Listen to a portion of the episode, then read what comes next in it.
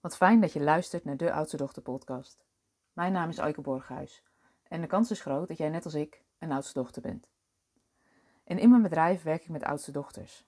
En het is mijn intentie met deze podcast om je te inspireren en je bewust te maken van al die mooie kwaliteiten die je hebt als oudste dochter en die valkuilen waar we ook wel eens in lopen. En in deze podcast wil ik het graag met je hebben over ben ik wel leuk genoeg? Het is vandaag Valentijnsdag, het moment dat ik deze podcast voor je opneem. En in mijn middelbare schooltijd was Valentijnsdag best een ding. Als stille aanbidder kon je die dag rozen kopen op school en die werden dan in de klas bezorgd en uitgedeeld. Het mooiste meisje in de klas kreeg niet één roos, maar kon wel een vaas vullen met een mooi boeket. Terwijl anderen achterbleven met lege handen. Stilletjes jaloers of verdrietig, terwijl je deed alsof het je niet raakte. En als we de klok vooruitspoelen, dan is er in die 25 jaar niets veranderd. Op de middelbare scholen van onze dochters kun je tot op de dag van vandaag, op Valentijnsdag, een roos laten overhandigen in de klas als je een stille aanbidder bent. En de vraag, die niet wordt gesteld, maar wel voelbaar is: zou ik vandaag een roos krijgen op school? Ben ik leuk genoeg? Mijn oudste dochter zelf laat dit niet aan het lot over en heeft de regie gepakt. Zij heeft een roos besteld voor een vriendin en die vriendin van haar. Zo zitten ze vandaag allebei niet met lege handen in de klas. Als ik kijk naar mijn eigen middelbare schooltijd, was ik niet zo inventief. Aan de ene kant deed ik alsof het me niks uitmaakte of ik wel of geen roos zou krijgen, maar aan de andere kant was ik ook onzeker. Ben ik wel leuk genoeg? Als ik wel een roos kreeg, dan voelde ik me goed over mezelf. En kreeg ik geen roos, dan sloeg de zelftwijfel toe. De vraag of ik wel leuk genoeg was, of liefde waar ben, heb ik dus jarenlang buiten mezelf neergelegd. Als ik de bevestiging kreeg van anderen, was mijn dag goed. Kreeg ik die bevestiging niet, dan twijfelde ik aan mezelf en ging ik nog harder werken, nog harder mijn best doen om aan gezien en gehoord te worden. En dat we zo gericht zijn op onze omgeving is niet zo gek. Als kind ben je namelijk om te overleven afhankelijk van je ouders en je omgeving. Als je eenmaal volwassen bent en opgroeit, dan is dat niet meer zo en kun je je eigen keuzes gaan maken. Maar als je daar niet bewust van bent, dan herhaal je dat patroon van het aangepaste meisje nog steeds als je volwassen bent. En dan wordt het vaak wel een probleem. Je legt dan namelijk je levensgeluk en of je liefde waar bent buiten jezelf. En dat gaat vaak best een tijd goed, totdat het op een gegeven moment begint te knagen. Het kan zijn dat je zo'n gevoel krijgt van is dit het nu? En het kan ook zijn dat je ontdekt dat je niet de leukste versie van jezelf bent geworden. Een tikkeltje serieus, wat prikkelbaar en het leven op dit moment is een sleur en minder leuk geworden. Er is vaak ook minder ruimte voor spontaniteit, voor avontuur, want je bent al zo druk of je hebt al zoveel te doen. Nu kun je wel wachten en hopen tot het beter wordt en de ander je wel ziet. Dat de ander je bevestigt of je wel leuk genoeg bent, maar daar ligt de oplossing niet. Mensen in je omgeving komen en gaan. Maar jij bent de enige die 24/7 met jezelf doorbrengt. Dus jezelf goed kennen en het fijn hebben met jezelf is ontzettend belangrijk. En het fijn hebben met jezelf is niet alleen fijn voor jou, maar ook voor je omgeving. En je zult merken in de praktijk dat dat doorwerkt op alle vlakken.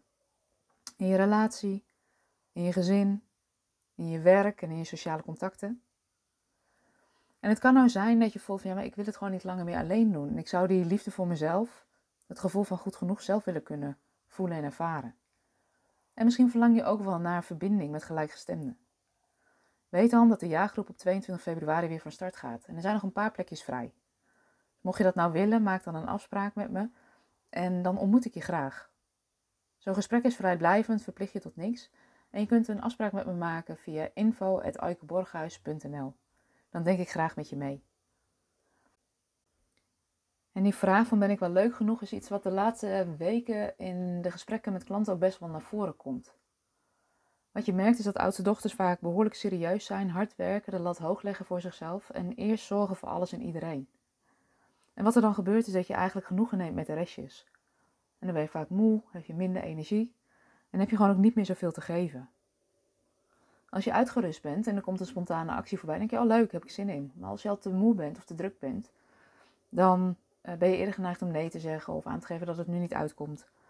En dat is gewoon vervelend, want ergens weet je ook wel dat ja, juist door ruimte te maken voor die spontaniteit, dat er meer plezier, meer levensenergie gaat stromen in je leven.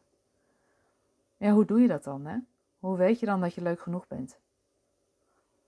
Het gaat er in ieder geval om dat je weer gaat ontdekken wat jou eigenlijk blij maakt. Wat je waarden zijn.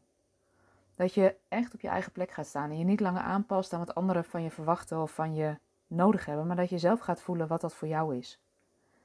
En vanuit die verbinding met jezelf, de signalen van je lijf, je waarden, wordt het makkelijker om weer wat ruimte te maken voor die spontaniteit. Het is het uitrusten, opladen ehm, en weer meer plezier maken.